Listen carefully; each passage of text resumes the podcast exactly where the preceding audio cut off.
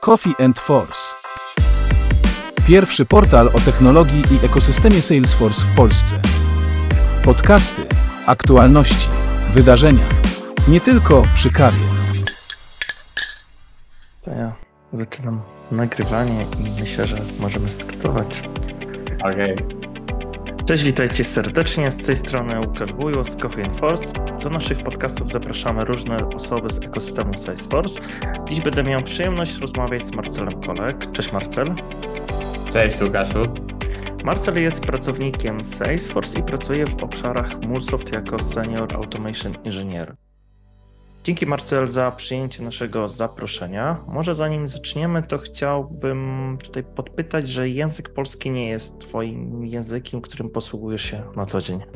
Tak, dokładnie. Najpierw chciałem Ci też, Łukasz, podziękować bardzo za zaproszenie. Czuję się e, naprawdę wyróżniony, że mogę brać w tym udział. E, Jakiś czas temu już pierwszy raz słyszałem jeden z podcastów, e, chyba przez LinkedIna.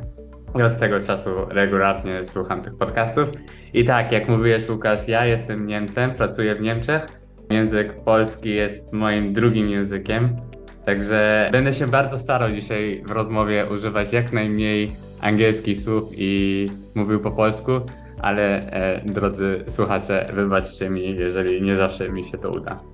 Myślę, że Twój polski bardzo dobry, nie ma problemu. A myślę, że i tak mówiąc o technologii Salesforce, MuleSoft czy w ogóle IT, nie unikniemy tego języka angielskiego. To prawda. No dobra, ale jeszcze z takich ciekawostek, oprócz polskiego, niemieckiego i angielskiego, na Twoim profilu na LinkedInie znalazłem jeszcze czwarty język. Do traki, tak. Przez jakiś czas, jak byłem fanem um, Gra o Tron, zacząłem się go uczyć, aczkolwiek no już nic nie pamiętam. Do traki to jest język, który em, był wymyślony dla serialu Gra o Tron. Super. Właśnie to mnie tak zaciekawiło, co to dokładnie jest. Dzięki, ja gry o Tron nie oglądałem, słyszałem, że to jest tasiemiec, do którego lepiej nie rozpoczynać, bo jak już zacznę oglądać, to już nie będzie mi przez kilka miesięcy. Jest takie ryzyko. Jesteś absolwentem Uniwersytetu Gdańskiego na kierunku Informatyka i Ekonometria, Analityka Biznesowa. Tak. Skąd pomysł w ogóle na te studia? Wiesz co, moje pierwsze studia były na Wyższej Szkoły Bankowej Grafika i Multimedia, znaczy informatyka ze specjalizacją grafika i multimedia. Zawsze chciałem być grafikiem. Em, Jakby w moim prywatnym czasie dużo rysowałem, potem też zacząłem robić tatuaże i myślałem, że moja kariera pójdzie bardziej w tym kierunku. Ale potem w trakcie studiów już na Wyższej Szkoły Bankowej zacząłem swoją pierwszą pracę w Amazonie. No i spodobało mi się. E, Stwierdziłem, że jednak nie będę grafikiem, bardziej chcę się zajmować właśnie taką, takim business IT, więc e, drugi kierunek, magister, był właśnie bardziej w tym kierunku na Uniwersytecie Gdańskim. I to była analityka biznesowa, tak? Dokładnie tak.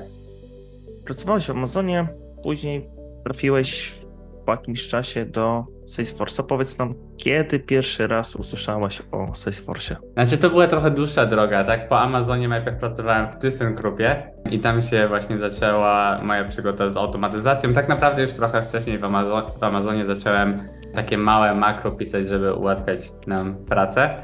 Zawsze lubiłem sobie sam ułatwiać pracę, więc jakoś w tym kierunku e, moja kariera szła. Potem, potem zacząłem właśnie pracę w ThyssenKruppie już pod kątem Robotic Process Automation, czyli, czyli to, co robię dzisiaj. Później trafiłem właśnie na takie rozwiązanie niemieckie do robotyki o nazwie e, Service Trace i nasze rozwiązanie nazy- nazywało się X1 właśnie do robotyki. I się dziwiłem, dlaczego tak mało znane jest na globalnym rynku, bo jest to naprawdę bardzo, bardzo dobre rozwiązanie. I zacząłem pracę u nich, tak?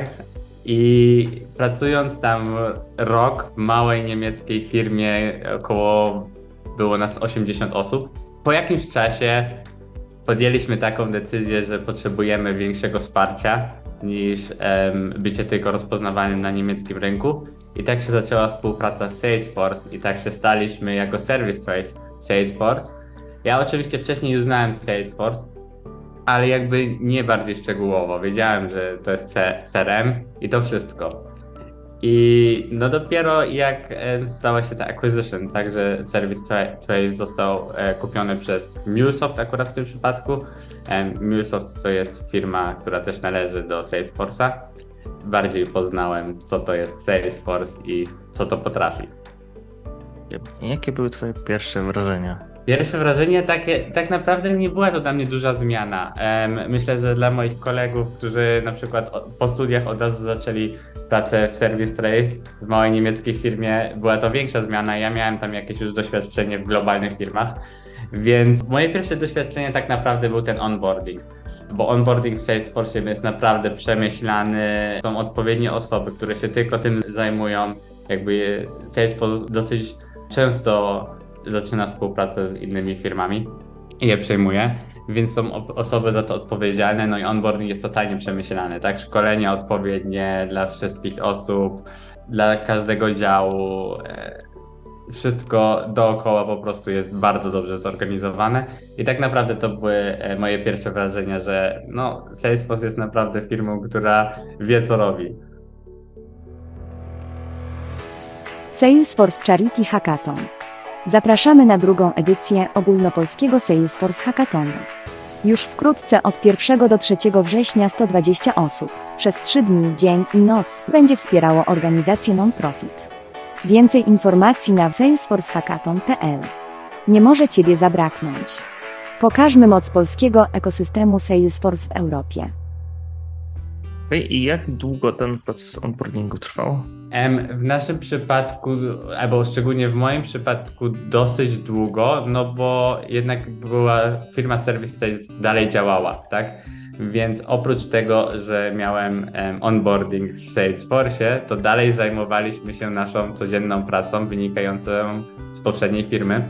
Mieliśmy dalej klientów oczywiście, których trzeba było wspierać przez, przez ten czas acquisition nie sprzedawaliśmy naszego produktu, ale oczywiście dalej musieliśmy wspierać naszych istniejących już klientów. E, więc trwało to do, dosyć długo. Myślę, że tak nawet około pół roku, aż już byliśmy na naszej nowej pozycji w Salesforce. Może, może taka ciekawostka jest taka, że w Service Trace mieliśmy rolę konsultantów, czyli odpowiedzialni za customer success od pre-sales do post-sales services, czyli wspieranie w ogóle naszych klientów w implementowaniu naszego rozwiązania. A Salesforce to są osobne działy. I nam dali możliwość wybrać, do którego działu chcemy. No i ja wybrałem właśnie ten zespół Presales. Zaraz dojdziemy do tego, jak Twoja praca wygląda i czym dokładnie się zajmujesz. Ale powiedz jakby skąd to zamiłowanie do automatyzacji, dlaczego jakby wybrałeś ten kierunek tak. No jak już wspomniałem wcześniej, zawsze bardzo sobie ulubiałem um, ułatwiać samemu pracę i to się już zaczęło w mojej pierwszej pracy, um, gdzie zacząłem właśnie pisać takie makro um, dla, dla naszej aplikacji, w której pracowaliśmy. To była taka web, webowa aplikacja, byłem analitykiem danych, no i było dużo manualnej pracy, więc stwierdziłem, że to wszystko nie ma sensu, ułatwmy sobie pracę i zaczynałem pisać takie właśnie małe makro. No i potem to kontynuowałem przez całą karierę, tak? W ThyssenKruppie zacząłem właśnie jak ja zacząłem pracę w ThyssenKruppie, to ThyssenKrupp jeszcze nie robił robotyki, tak? Robotic Process Automation jeszcze w ogóle nie był tam tematem, więc miałem możliwość to wprowadzić. I potem już totalnie to lubiłem, tak? Myślę, że urodziłem się w odpowiednim czasie i zacząłem pracę w odpowiednim czasie, gdzie jako nieprogramista masz możliwość być programistą przez właśnie te rozwiązania Citizen Development Low Code, z którym ja pracuję. Odwiedź stronę internetową coffeeforce.pl. Wszystko o ekosystemie Salesforce po polsku. Może zacznijmy od tego. Dzień z życia Marcela. O, jak twój dzień pracy wygląda?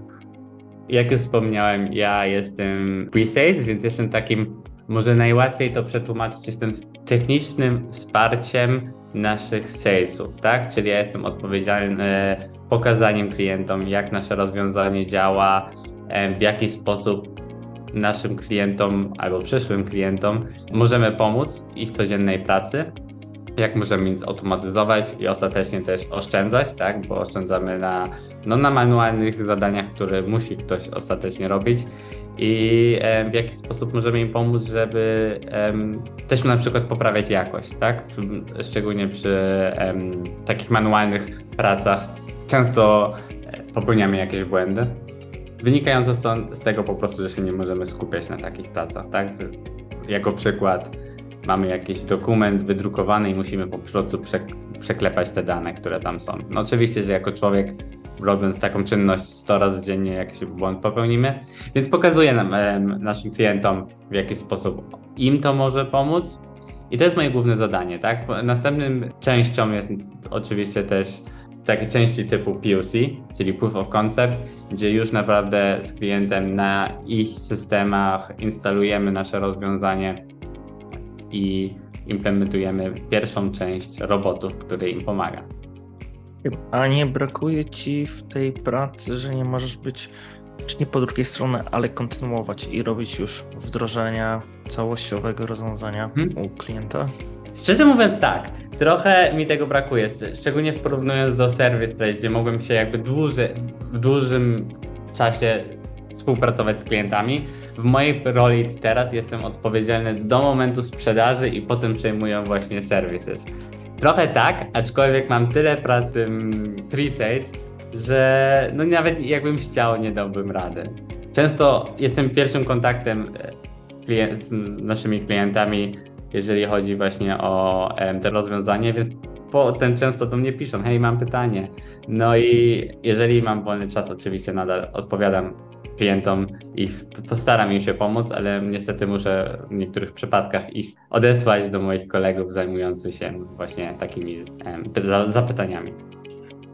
No, pewnie. Tak sobie myślę, że duży plus to jest różnorodność, nie ma nudy, bo czasami jak e, będziesz miał większy projekt, to możesz tam e, spędzić nawet rok i cały czas implementować i będziesz jakby robił tylko tak jedną rzecz, jeden obszar, a tutaj przez tą dynamikę, różnorodność, wiele zapytań pewnie nie nudzisz się. To prawda. Z drugiej strony jakby właśnie zaczął pracę w tym services, tak, to bym był odpowiedzialny tylko za programowanie robotów, a ja jednak lubię rozmawiać z ludźmi. Mhm. lubię właśnie jeździć na nasze wszystkie konferencje Salesforce'a, ostatnio właśnie w Warszawie, które był, na którym tym roku niestety nie, nie dałem rady być ale zazwyczaj jestem na wszystkich tych konferencjach, spotykam się z klientami, więc bardzo lubię takie, taką rozmowę z klientami i poznawanie ich prawdziwych problemów i jak możemy im pomóc. Jak już rozmawiamy o Twojej pracy, to powiedz proszę, jakie jest największe wyzwanie na takim stanowisku? Myślę, że największym wyzwaniem jest to, że jesteśmy w czasie, gdzie już każdy ma jakieś rozwiązanie do robotyki albo większość firm ma, więc nie przechodzimy z, czymś całkiem nowym. Oczywiście są części, które, na które patrzymy inaczej, które robimy inaczej, ale to jest takie wyzwanie trochę pokazać, hej, nie chcemy ci sprzedać kolejnego produktu, który robi dokładnie to samo, tylko em, mamy coś, co jest innowacyjne, i musimy klientów od tego do tego przekonać. Jeszcze parę lat temu to było dużo łatwiejsze. Tak? Mieliśmy zazwyczaj klientów, którzy jeszcze w ogóle nie wdrożyli robotyki, więc pokazywaliśmy im tam, co, co to potrafi i wszyscy wow, tak? Teraz to już nie wystarczy, że po prostu automatyzujemy ich zadania, tylko w jaki sposób, jak łatwe to jest do nauczenia się, jak szybko mogę zaimplementować takie roboty i czym się w ogóle wyróżniamy.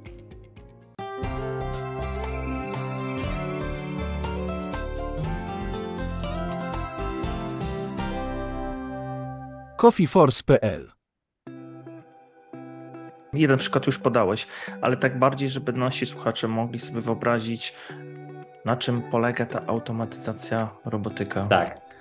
W bardzo prosty sposób tłumacząc to, to symulujemy takiego człowieka przed komputerem.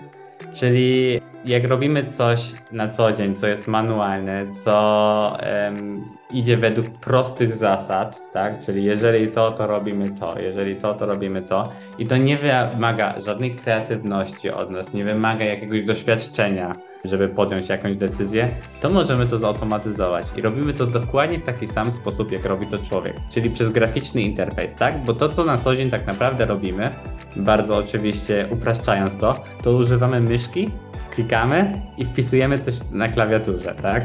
To jest nasza, nasza codzienna praca, jeżeli chodzi o pracę z systemami. I dokładnie to samo robi robot. To nie jest taki fizyczny robot, który gdzieś tam stoi i klika naprawdę na klawiaturze, tylko to jest takie, taka software, takie oprogramowanie, które robi dokładnie to, co robi człowiek. Okej, okay. a mógłbyś e, jakiś konkretny przykład? Pewnie u klientów trudno będzie ci powiedzieć e, tajemnicę sprzedaży, ale może na jakichś takich konferencjach, jak chcecie pokazać dosyć fajne rozwiązanie, innowacyjne. Mam bardzo fajny przykład, który mi się bardzo podoba, bo jest to taki problem, z którym jako osoba niepracująca się spotykam na co dzień. Jest to Service Cloud. Może nie konkretnie e, Service Cloud, z którym ja się spotykam na co dzień, ale dzwonienie gdzieś na infolinię czekamy, aż będziemy, e, nie wiem, jestem dziesiąty w kolejce i jeżeli już się dodzwoniłem do pracownika jakiegoś, to zawieszał naszą rozmowę, żeby coś tam sprawdzić i po pięciu minutach do mnie wraca. Ostatnio miałem taki przypadek, nie wiem, z pół roku temu, e, gdzie naprawdę 20 minut czekałem. Dosłownie, ja już myślałem, że ten pracownik po prostu o mnie zapomniał. No i dlaczego tak, się, tak jest? Zastanawialiśmy się na tym i głównie tak, w taki sposób to rozumiemy, bo ten Service Agent pracuje z różnymi systemami, tak? Nie wystarczy mu jeden tool, gdzie jest i widzi wszystkie moje dane na temat mnie jako klienta, tylko musi sprawdzać jakiś właśnie stary system, order management system, weźmy sobie jako przykład. A ja na przykład chciałem się tylko zapytać, kiedy będzie moje zamówienie, albo czy mogę zmienić datę zamówienia, tak? I na to muszę pół godziny czekać godzinę, może nawet nie może mi od razu odpowiedzieć, bo potrzebuję coś tam sprawdzić po tym, jak rozmawialiśmy. Więc naszym celem jest jeden tool, w którym mamy wszystkie informacje, które taki call center agent potrzebuje, żeby odpowiedzieć na pytanie dzwoniącego lub przez chat, chatbota. Takie możliwości też oczywiście mamy, żeby odpowiedzieć na zapytanie klienta. To już mniej więcej taki fajny, konkretny przykład, który może być. Tutaj mamy Automation Engineer, Solution Engineer. Kto Twoim zdaniem nadaje się do takiej roli? Pierwsze, co chciałbym wyjaśnić tutaj właśnie, już to też wspomniałem dzisiaj, że to jest citizen development. Nie trzeba być typowym deweloperem, żeby pisać roboty, żeby w ogóle zrozumieć nasze oprogramowanie. Myślę, że mogę jeden taki przykład powiedzieć, że spracowałem kiedyś z osobą w szpitalu, która w ogóle nie miała technicznego backgroundu. Jednak chciała się nauczyć robotyki. Ona nawet na początku nie wiedziała, co to jest Excel za bardzo. Wiedziała, że go otworzyć, ale żeby napisać jakąś formułkę, to już było dla niej za dużo. Pracowałem z nią ponad miesiąc i naprawdę stała się ekspertem w tym. Pisała takie roboty, że ja byłem pod wrażeniem. Także jeżeli chodzi o wiedzę, którą trzeba mieć, można się ją nauczyć, nie mając w ogóle jakiegoś technicznego backgroundu. Myślę, że ważniejszą częścią tego jest zrozumieć biznes i rozumieć procesy, w firmie ogólnie, mieć taką wiedzę ogólną, którą um, przedsiębiorcy mają, jakie mają problemy i w czym automatyzacja może pomóc. Czyli analityczne myślenie, tak moglibyśmy e, podsumować. A jak to jest z umiejętnościami miękkimi? No myślę, że to też jest ważne, szczególnie właśnie w roli pre-sales. Główna część mojej pracy to jest rozmowa z klientami. Jak mówiłem, no, ja się zajmuję spotkaniami z klientami i tłumacząc im, nie wiem, jak, jeśli, jeżeli bym miał to jakoś określić w procentach, to może 20% mojej pracy jest przygotowanie, czyli budowanie botów, a 80% mojej pracy to jest rozmawianie z klientami. Także myślę, że to jest ważne, szczególnie, że często rozmawiam z osobami nietechnicznymi, tak? Często przychodzi do nas biznes ja mam problem, czy może go rozwiązać i ja muszę mu wytłumaczyć w nietechniczny sposób, jak możemy mu w tym pomóc więc też takie przetłumaczenie języka technicznego, e, oprogramowania, w jaki sposób to działa, w taki sposób, że osoba nietechniczna zrozumie, w jaki sposób może z tego mieć korzyści. To może na koniec zadam pytanie, jeżeli ktoś byłby zainteresowany i chciałby być częścią waszego zespołu, nie kojarzę, czy aktualnie jest jakaś rekrutacja dla niemieckiego rynku, bo jak mówiłem, ja jestem w Niemczech zatrudniony. Globalnie można oczywiście spojrzeć na naszą stronę, jednak jeżeli chodzi o ogólnie automatyzację z naszym rozwiązaniem, to na pewno jestem przekonany tego, że nasi partnerzy mają um, otwarte rekrutacje. I myślę, że to jest najłatwiejsza droga, żeby stać się RPA deweloperem lub po prostu pracować z robotyką, A tak jeżeli chodzi o właśnie o firmy Salesforce lub tam MuleSoft, to polecam sprawdzać nasze strony. I to już koniec mojej rozmowy z Marcelem Kolek, senior automation inżynierem pracującym bezpośrednio w MuleSoft. Na dziś dziękuję Wam serdecznie. Zachęcam do subskrybowania naszych kanałów na platformach podcastowych takich jak Spotify, Apple Podcast, Google Podcast, a także na YouTube. Dzięki. Coffee and Force. Pierwszy portal o technologii i ekosystemie Salesforce w Polsce. Podcasty, aktualności, wydarzenia. Nie tylko przy kawie. coffeeforce.pl